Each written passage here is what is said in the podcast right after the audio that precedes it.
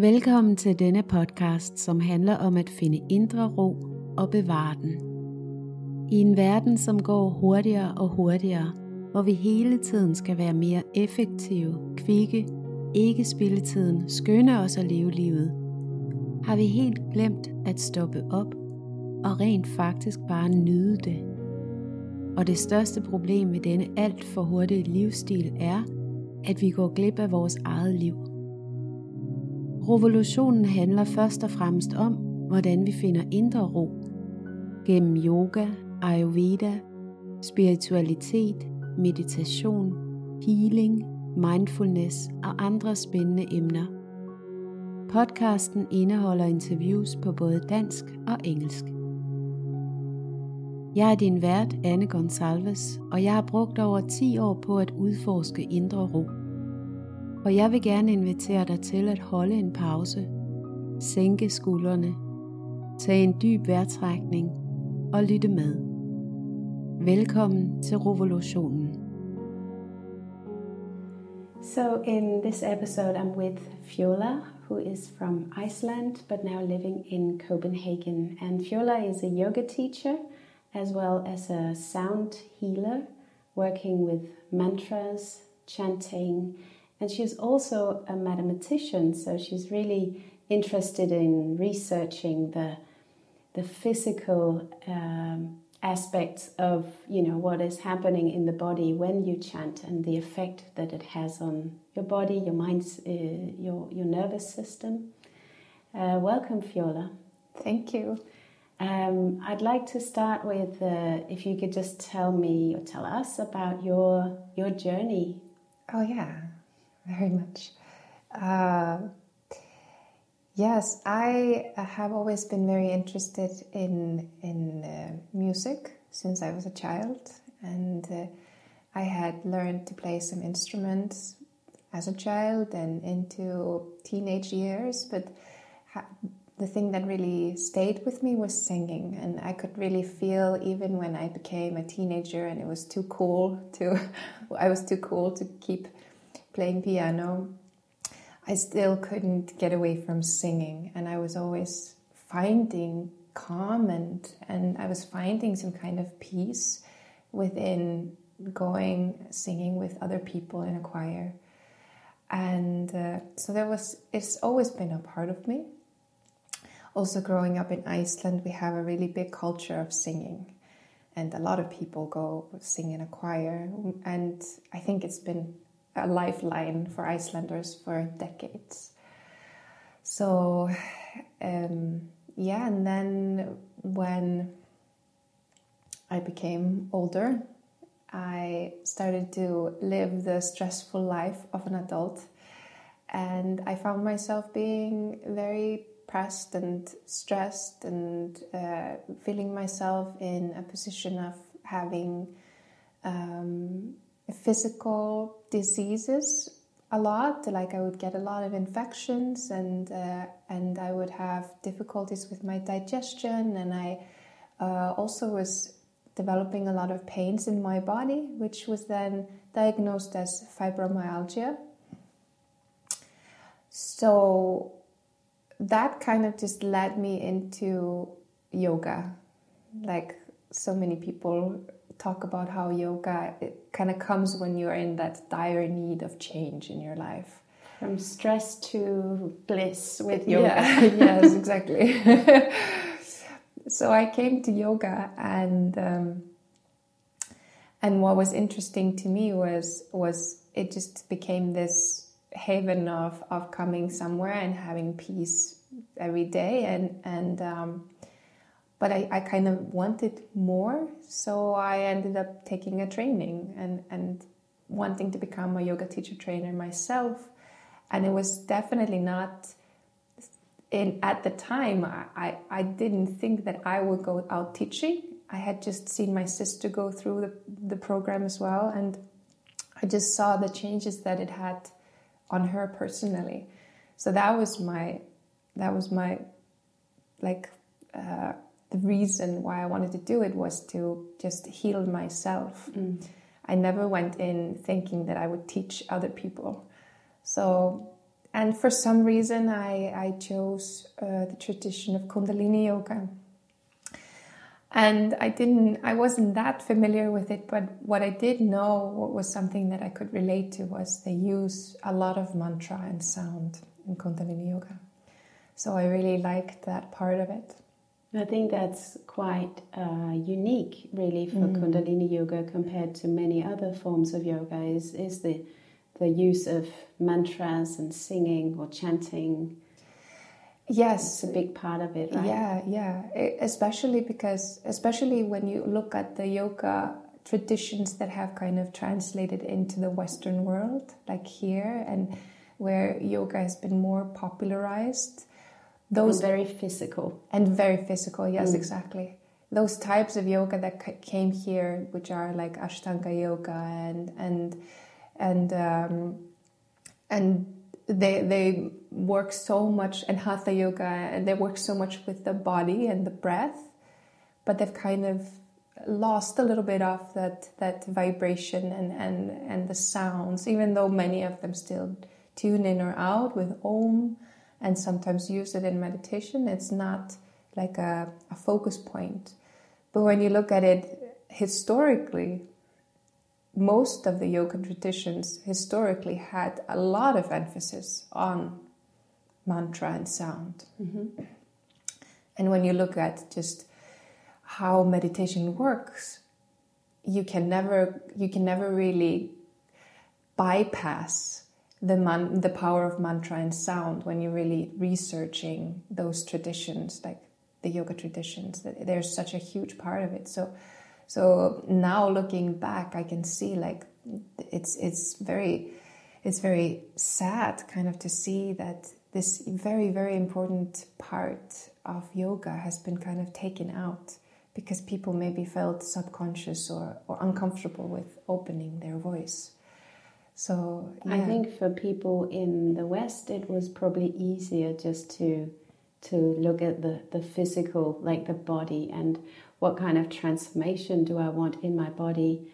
I can get that through the more, you know, vigorous Ashtanga or Vinyasa or Power yeah. Yoga and all yeah. those forms that became very popular.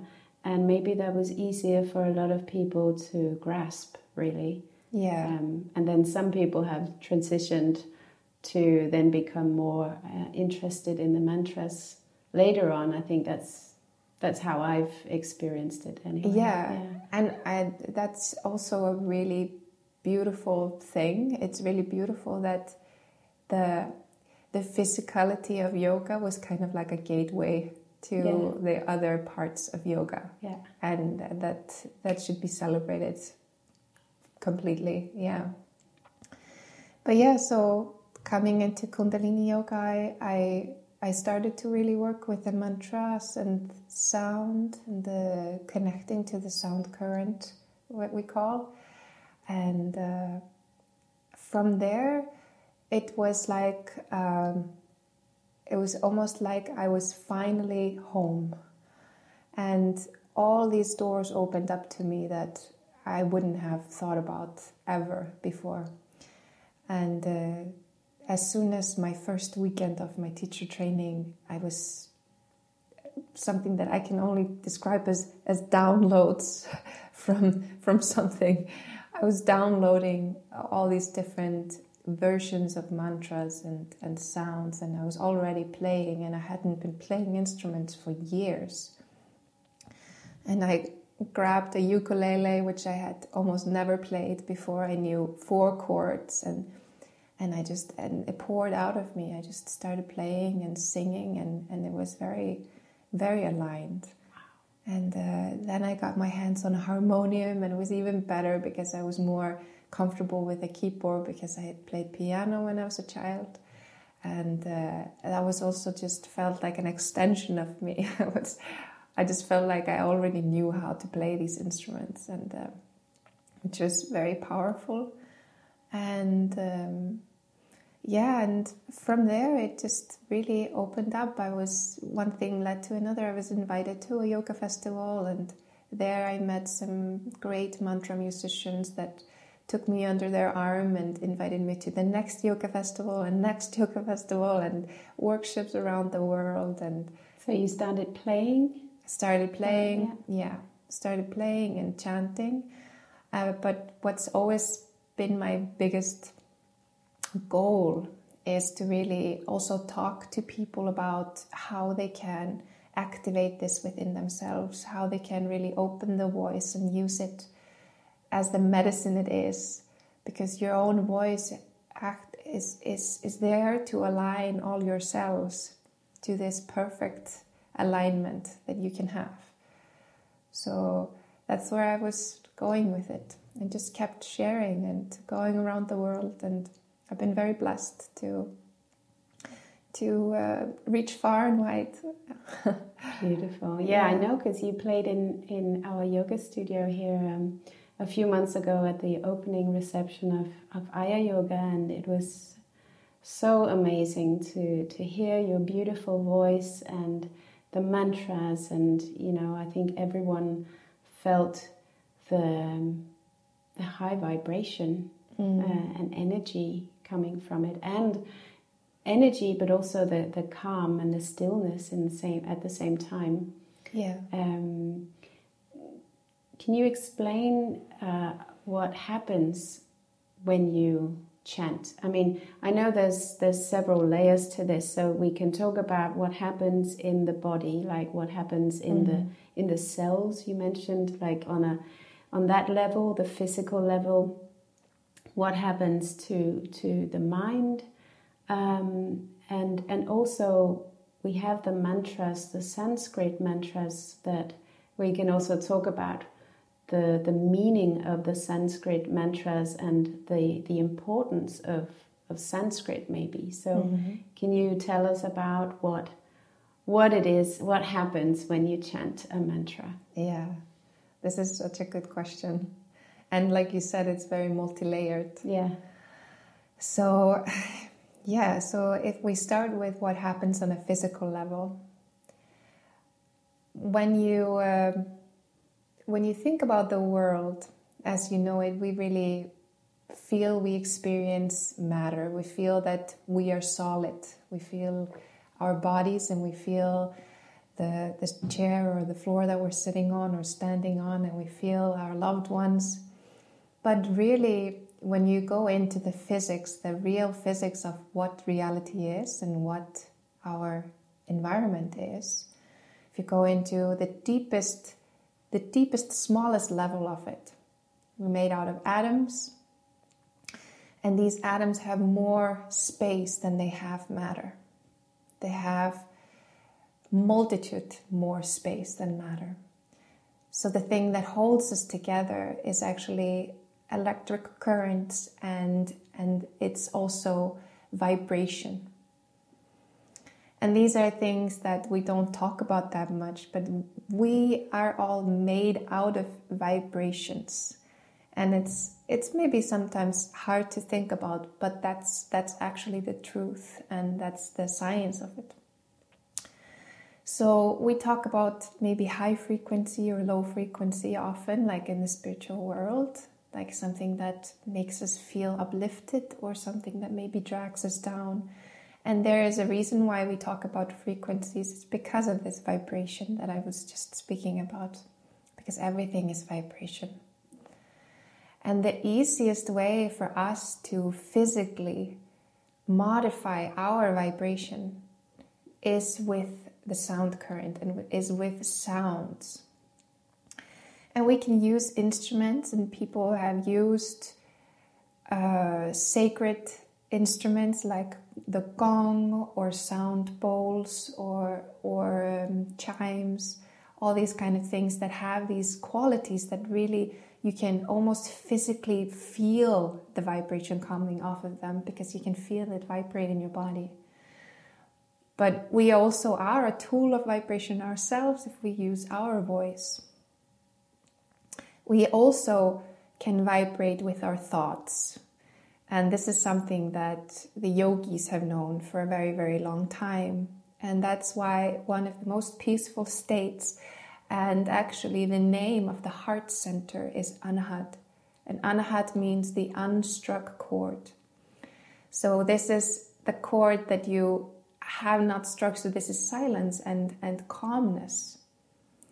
But I really love to play with polarities because life couldn't exist without polarities. Life, the light does not exist without the shadow. And this is the interesting thing with polarities of sound is that unstruck sound, that unstruck chord which is in your heart, to keep it unstruck and pure and to keep it so that it can vibrate at this heart frequency, you actually need to make sounds. So that's kind of like the opposite of it. So when we are vibrating with our voice, that's what our body has made like that the voice is given to us as a gift that's how i see it the voice has been given to us as a gift so that we can align ourselves when we vibrate our voice and it's so important to to open this channel to really open this channel with with your own voice. And i am a really strong believer in just opening your voice in any kind of way even if it's just like you know singing from the top, top of your lungs your favorite song with madonna or whoever you know.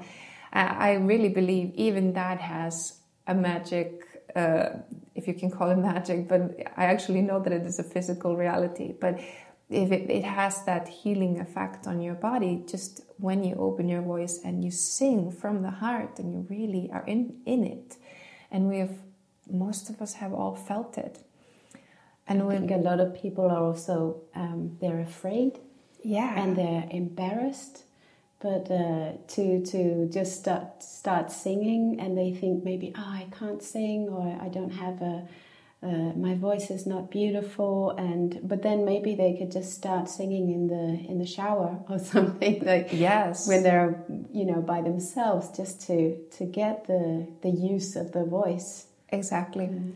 so that is like a really good really good point. Like start singing in the shower for yourself or you know alternatively i know we're maybe not in that position right now you can you can go and sing in a choir where you kind of blend in with the other voices, or you can go to a heavy rock concert and sing, yeah. you know, where the or or a club or whatever, you know, it's just where the, the sound is so loud that yeah. nobody's hearing you anyway. But just that thing with you opening your voice and letting that vibrate, that is your unique subscribed uh, frequency for aligning yourself, for aligning your body.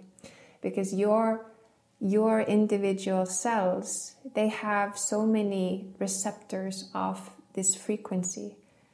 And they are receiving at every moment, they're receiving different frequencies from the environment.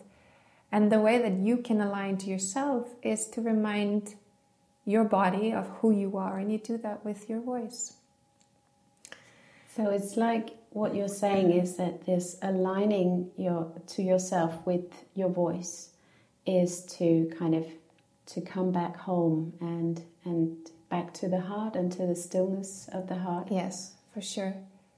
Because it's not only the the voice, the outer voice. That's the other part. It's also the inner voice. And we talk a lot about this inner voice in yoga, maybe. And uh, the inner voice can also vibrate. And that's where the actual voice is, is silent, but the inner voice can be chanting. And when you really chant with the inner voice and you listen to that inner voice, it all hangs together. That's where you really get into this really deep state of peace and tranquility.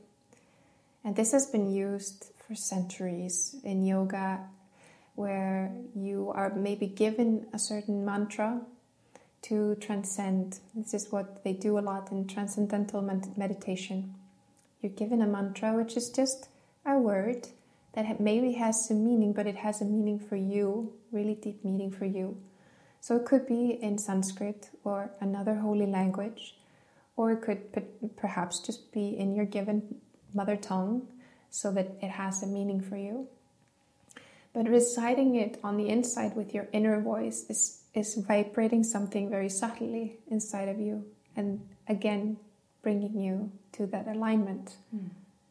And that more it works more on the subtle level of your mind or your minds. It depends on how you look at it, because in the yogic traditions we often talk about more than one mind, but it works on your minds so your waking mind, your sleeping mind, your your busy mind, you know, it it works on bringing you to that pure state of awareness. That's beautiful to think of, um, yeah, to think of that inner, uh, the inner voice as well in that way, um, and how that can affect, it can have that even if it's more subtle than singing mm. but it can still have a huge effect to to chant or to say a mantra internally and just mm-hmm. let that vibration spread as well. Yeah. Yeah. Yeah. Yeah, and it's uh, it's very powerful, very powerful. And this has been known for a long time and um,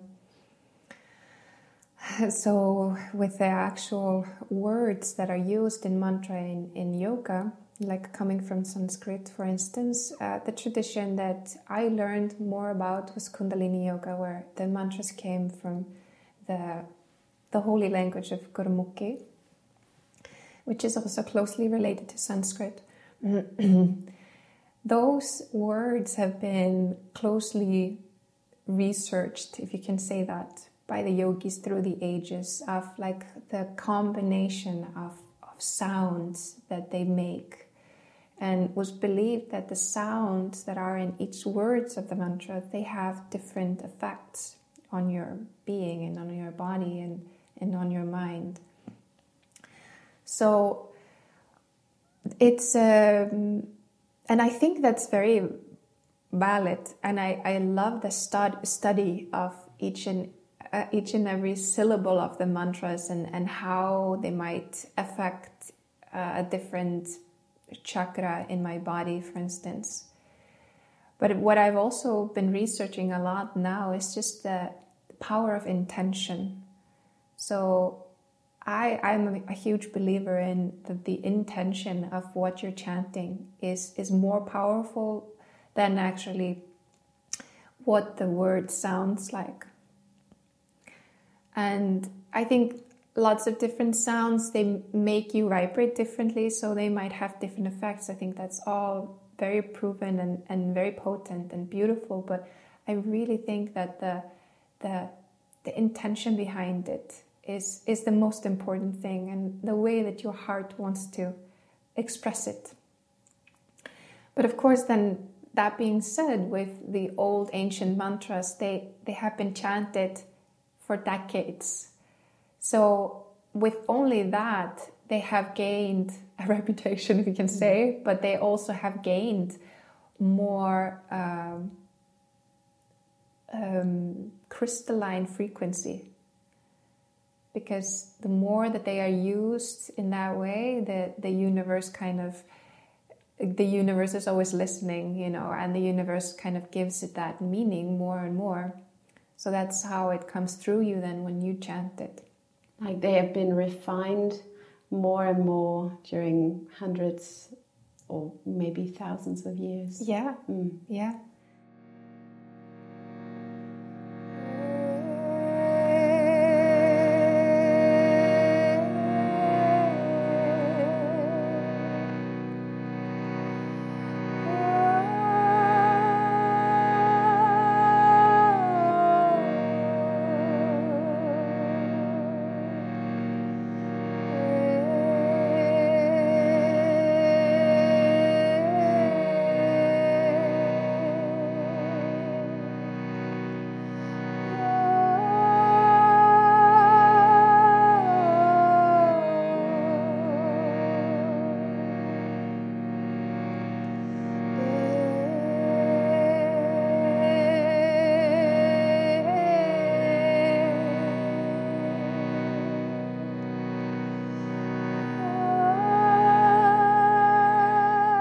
It's interesting, for instance, with um, the the Kundalini Yoga mantra Sat Nam. We use it a very like we use it very much. And Sat Nam it means truth is my identity, or the Sat it's that holy truth, like the truest of the truth. So it's not something like is it true that I have brown eyes or blue eyes, but it's like it's just a, an unspoken truth of an unspoken question. It's just the truth of everything. And is my identity that you're just saying, I am the truest of the truth. And that mantra has also been used a lot the I am, just the I am, and just mm. the being. And it's, it's in very, very many different forms in Sanskrit and in, in Gurmukhi, the Hammi Ham and, and the Brahma, and like the, the whole thing is always just reminding us who we are, like we are that, that truth. But I've noticed that even the, the Sat Nam, it's such an ancient and, and beautiful mantra and it, it's still even in the Scandinavian languages it's it sounds similar you can say sant noun sat noun so and in Icelandic you say sat noun so it's yeah. a it's a very it still kind of like holds a very similar frequency the sounds are similar mm. so you can even say it to yourself in your language you're just reminding yourself that the thing that I identify with is truth. And even just the I am, as you mentioned, I remember I was in a uh, doing a yoga course, and I had heard about, I had read about this I am, uh, you know, for years before that. I'd read about it. I'd, you know, I knew what it meant, and it wasn't until a few years ago I was in this course with a few other yoga teachers, and then we did some kind of um, practice, and then uh, we finished with this I am, just telling ourselves, I am. And it just, you know, how sometimes you need to hear things for years and yeah. then all of a sudden it's like okay okay i get it now yeah. but it was such a, um, a beautiful experience to just say to myself i am um, because it's not, I didn't have to identify with, I am this person or I am this person who lives in that place or drives that car or has this yoga mat or uh, has these thoughts or um, but just I am and therefore yeah. I am you know I, I'm enough just as as that. Yeah. Even you know just that simple um, you know the bliss of just being really. Yeah. And, yeah. and recognizing that. So it's a it's for me it's it's a really beautiful sentence and, and mantra just to chant or you know repeat to yourself i am. And mm. that's all i have to be really. Yeah, exactly. And it's a very very powerful mantra. Mm. and i use it i use it a lot.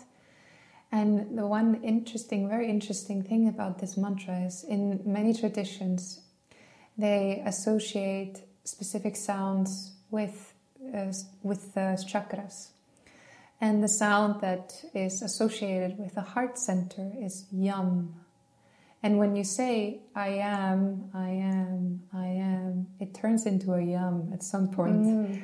So it's a yum, I am, I am, I am. So mm. it kind of morphs into that sound of the heart. It brings you back mm. into that, you know that true essence of you yeah. Beautiful. Yeah. So if um, someone is listening to this and thinks i have no idea what a mantra or chanting is how do i get started? That's really a good question. And very important one. So one of the most powerful Sanskrit mantras that has ever been chanted is Om.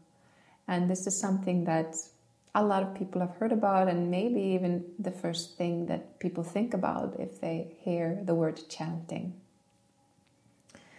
And Om is this very powerful word that both vibrates the body in a certain way, but also has this very, very amazing energy behind it. So, Om is a very powerful mantra to start with. And uh, it's easy to do. It's it's kind of like you you need to open your mouth wide like om kind of like you're trying to trying to bring your mouth over like a whole ball of light and then you bring it in and you vibrate the M sound really in your chest. Om.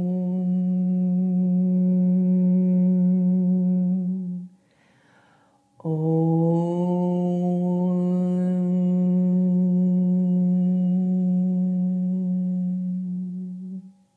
And you do it with full breath. That sounds so beautiful. I could feel the vibration just there. Yeah. And there are, mm, you can sit down and try it now. You can do it for three long oms. You can do it for 10 minutes. You can do it for two hours. Like it, that, it doesn't really matter. And I, and I, I challenge you to try it for a longer period of time because you really feel the difference afterwards. You feel it in your body. You really feel it deeply. And what's so amazing with the mantras is when you chant them it's it's like with everything else. You start something and you don't really maybe notice the difference while you're at it but it's the silence and the, it's the it's the coming down off of it you know. That's where you really notice that's where you really notice the difference. And when you have been chanting for a long time then just sitting in that silence and in that quiet for a couple of minutes or even just a couple of breaths. Depends on how much time you have, you feel like you have. And just sitting there and really experiencing that silence, that's pure bliss. That's really pure bliss. And I know that maybe it sounds daunting for people to just sit down and, and okay, I'm just going to try to om. but there are so many there's so many tools online where you could you could even just go on YouTube or or or anywhere really on the internet. You can just look up Om chanting, often spelled O M or A U M. And if you if you look it up, you can hear all this content where there are people just chanting Om, and you can sit with that. So you can listen to other where there's someone leading leading the om and you can participate in that or just simply sitting down with yourself and doing it on your own. So there are there are so many possibilities of doing that. So that would be like a very simple mantra chanting that you can do. So just to start with om and then maybe have yeah try it for a, a, a couple of minutes and then the important part I feel that that you're saying also is the to really sit with the silence afterwards yeah. and feel into that. Yes. Um, what I also love about like the effect on the body when you're chanting, when you're using your voice in any which way, is the the vagus nerve gets um, um, stimulated. Yes, exactly. Uh, because you have the vagus nerve which runs through your um, your throat, yeah, and uh, through your chest and through your diaphragm, mm-hmm. and and that gets um, stimulated every time you use your voice, and that calms your your nervous system. So it's almost like you know pulling the brake, and so if you're feeling very uh, frazzled or stressed out, mm-hmm. just using your voice in and, and you know chanting or softly singing or any any yeah. kind of using your voice can affect that. Yeah, exactly. That. And that was yeah, it, exactly. And that, that is the main point of like stimulating the vagus nerve because it really helps with the immune system or the nervous system to calm down. Yeah. And brings you into that that phase of the parasympathetic nervous system to activate. Yeah. Which is the the calm part of you, the one that can handle stress more easily and with more serenity. So what if people want to say someone is, is used to doing maybe going to yoga classes and chanting Om and is familiar with that? Is um, if they wanted to move on to different kinds of mantras, so you had mm-hmm. the Satnam from the Kundalini tradition, how do you use that? Satnam is used in so many different ways.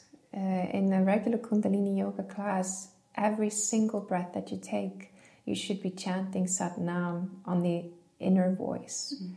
So you chant Sat on the inhale and Nam on the exhale. And so you're not chanting outwardly, but inwardly you're you're always hearing that in your mind, Sat on the inhale, Nam on the exhale. And it really focuses the mind to come to that still point. But the Sat Nam is also chanted outwardly. In, we end every class with uh, a long Sat Nam that we call, that we, we chant for a long time Sat, and then a short Nam. It's called Seven Waves of Sat Nam. So it's it kind of has these seven beats of Sat, and then one beat of Nam. And um, so I can demonstrate. So it goes Sat Nam.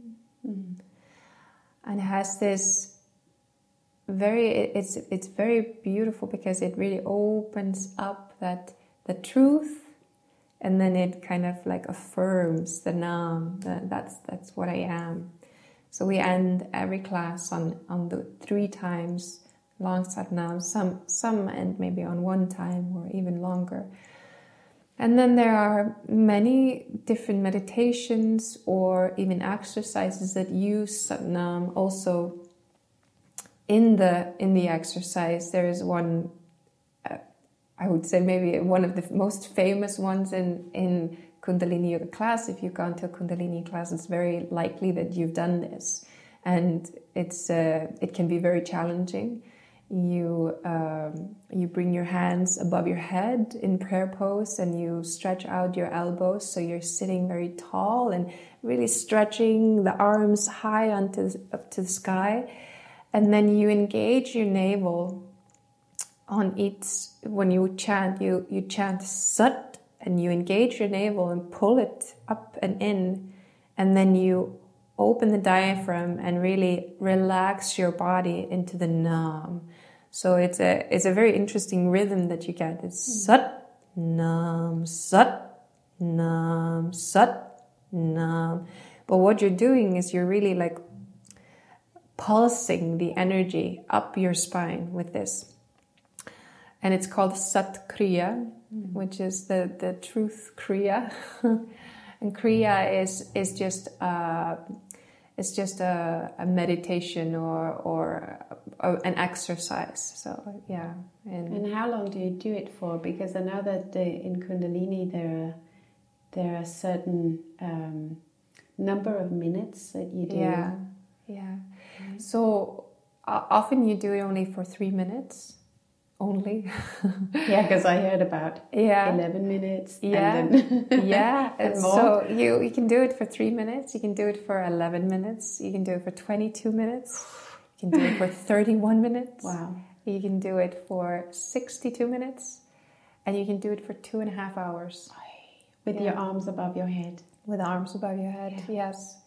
Sitting uh, in Traditionally, you sit in rock pose, which means that you're sitting on your heels. And uh, the reason for that is that you want your uh, heels to be push pushing up against the sit bones because that's where the vagus nerve comes. It, it, actually reaches down under your sit bones and goes it, and it actually has a direct connection there into your gut.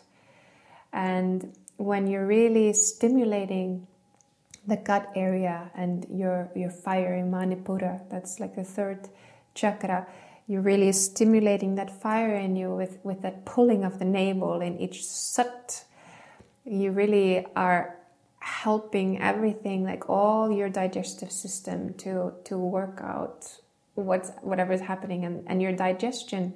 Actually, in Kundalini Yoga, we talk about the gut being the one of the three brains Yeah. in your body. Mm. Yeah, so that's like very much where all of your immune system comes to to really work. Mm. So that's really really stimulating for for the immune system and to to strengthen that and just to strengthen your your digestion and your willpower and Yeah, so many different other things. So Sat Kriya. Sat Kriya, yeah. Mm. Yeah.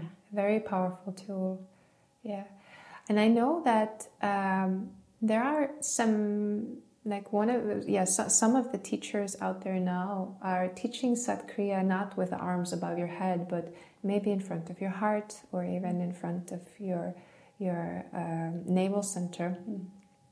So there are different versions of it so you can you can also you can also do it in that way but it is that very powerful engaging of the navel that is the most important part of satkriya Also like a massage for your internal organs. very much like Yeah. a massage yeah, Yeah. exactly Um, I would love to hear about your album oh yeah because was it last year that you?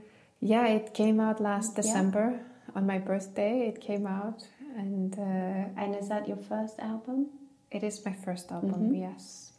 And the mantras that are on that album are all from the Kundalini Yoga tradition, Mhm. and they are they are the mantras that are chanted in the morning practice. So the morning practice in Kundalini Yoga is a is a two and a half hour long practice, which you ideally do in the Amrit Vela, which is the the time when the sun is rising. So we do it in the very early morning hours, maybe four thirty or five. And earlier, if you're in Denmark in the summer. earlier, yes. there are like some different of opinions of, Mm. of it needing to be with the sun or if it needs to be with a clock, you know, because we Yeah. we've talked about this, you know, problem for us who live very far up north Yeah. in the summertime or in the wintertime when we could be doing the practice at noon. Yeah. Yeah. yeah.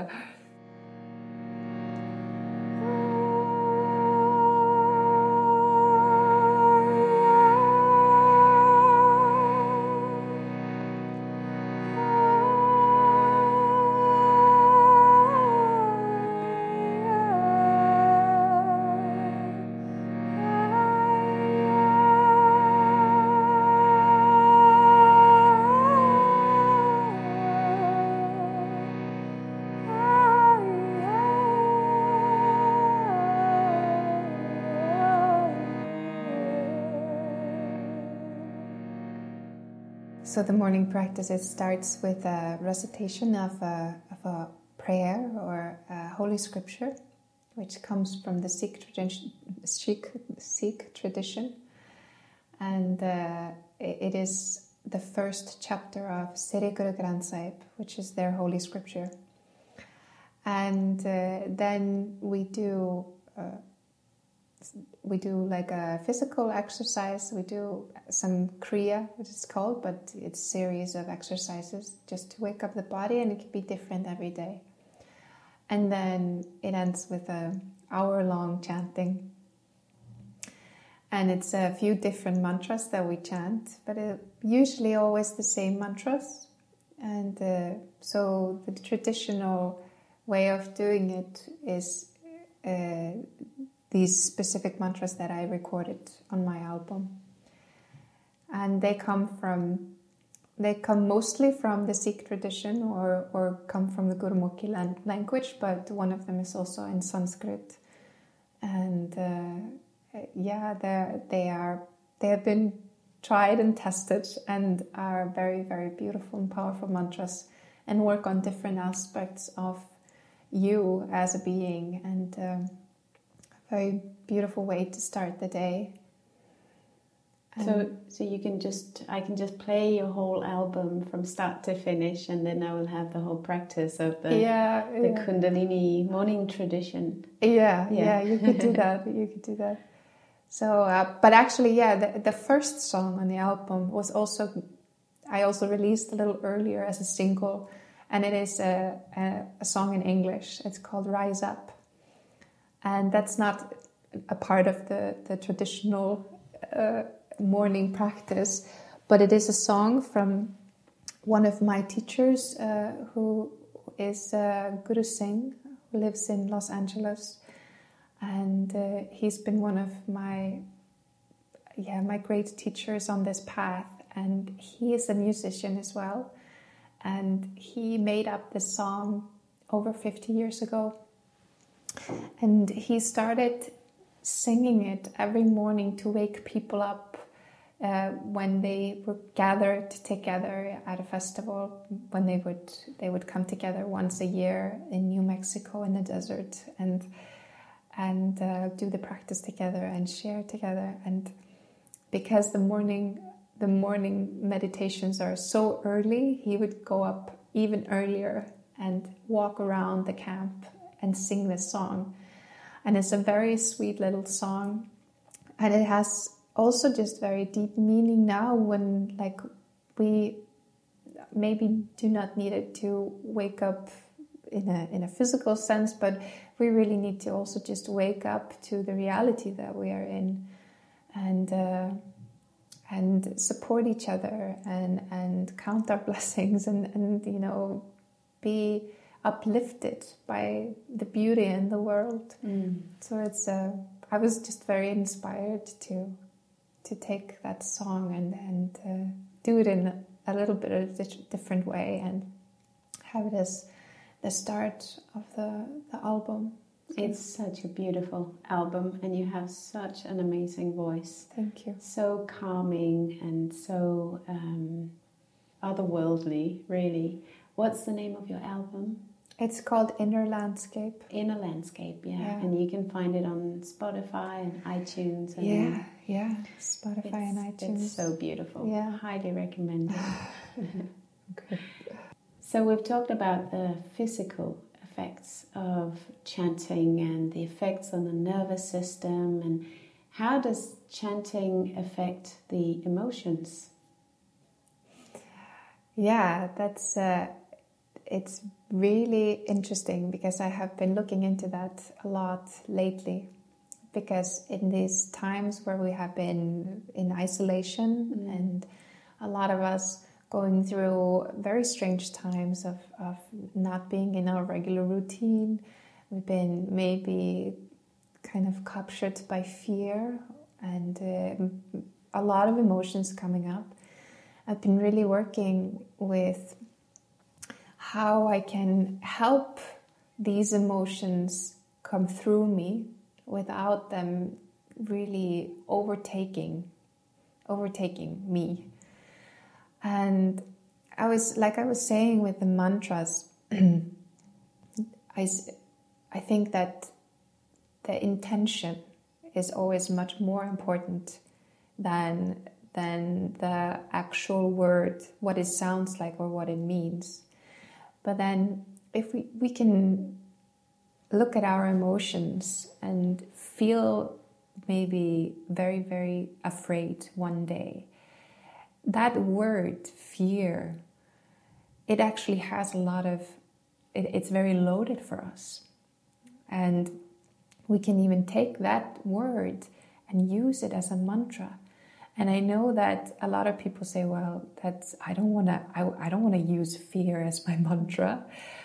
But I've been really going through it a lot now, and working with other professionals in in this uh, in the field of emotions, and they all talk about how important it is to really go into the emotion and let it be and feel it. And not just try to escape it. Exactly. Yeah. So I've been actually researching on myself how it affects me and my emotional state if I just sit down and I, I just chant the word. I just chant the word fear, fear, or I really go into just opening my voice with ah or ooh or e and feel the emotion very deeply. And, and I, I ask myself, how does this emotion sound like? What is it? What is the soundscape of it? You know, how does it want to come out? And sometimes it's not pretty. Mm. Sometimes it's like, oh, and and it just comes out in this like ugly sounds and and or none, no sound at all. And and but staying with it and really staying with it and letting the emotion have a mantra, letting it have a voice and letting it have a vibration. It's been really powerful because what happens is it it transforms. It transforms into something else and it just wants your attention. You know, that emotion just wants your attention and and you bring it into your heart and I often refer to the heart as this furnace of alchemy. It's where if you bring something into your heart, it alchemizes and it becomes the light.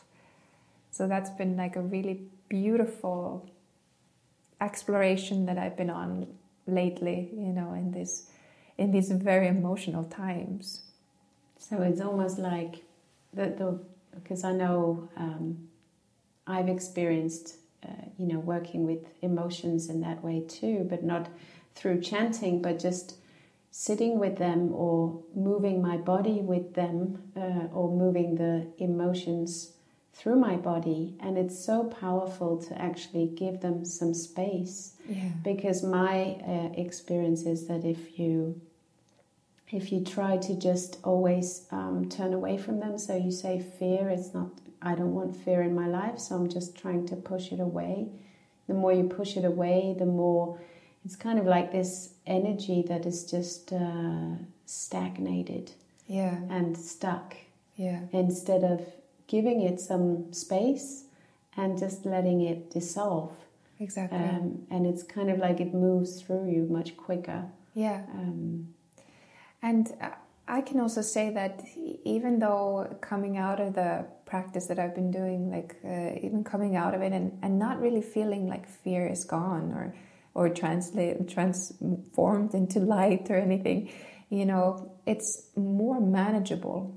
It's more manageable, but when you really look it into the eyes and you see, okay, I, I notice that you're here, and you become more the observer of of what it is. And you can understand maybe maybe this is not a part of me. Maybe this is something that's outside of me and I can yeah. separate from it. I'm yeah. I am not this fear and I don't have to identify with it, but I see it's there, I feel it's there, I acknowledge it. And I give some respect to all mm. my emotions. Yeah. So. yeah, so there's also that um, acceptance that yeah. can then make it uh, makes it um, not turn into this large, big thing that you don't want to, that you're trying to avoid all the time. So, accept yeah. is really also a big part of, you know, finding inner calm, I think. Yeah, um, so important. Yeah. Yeah. So, what if you could just pick one thing? Uh, I know you've probably got a whole list of things that you're using to to kind of keep your calm and, and your inner peace. But if you could just pick one thing, what would be your your favorite um, advice for, for finding inner peace? I think my favorite advice is is open your voice with intention every day, which just means sing something. It can be ah, ooh, or it can be om. It can be a it can be a very complicated mantra.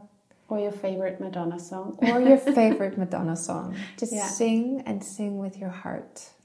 And stay in silence for a couple of minutes afterwards and feel feel how it affected your body, how it affected your being. Beautiful. Mm-hmm. Thank you so much for joining me here. Thank you. Thank you for this. Tusind tak, fordi du lyttede med til Revolutionen. Hvis du har brug for mere indre ro, er du velkommen til at tjekke min hjemmeside annegonsalves.com, hvor du finder masser af inspiration og også kan downloade en guided meditation, der giver dig ro på.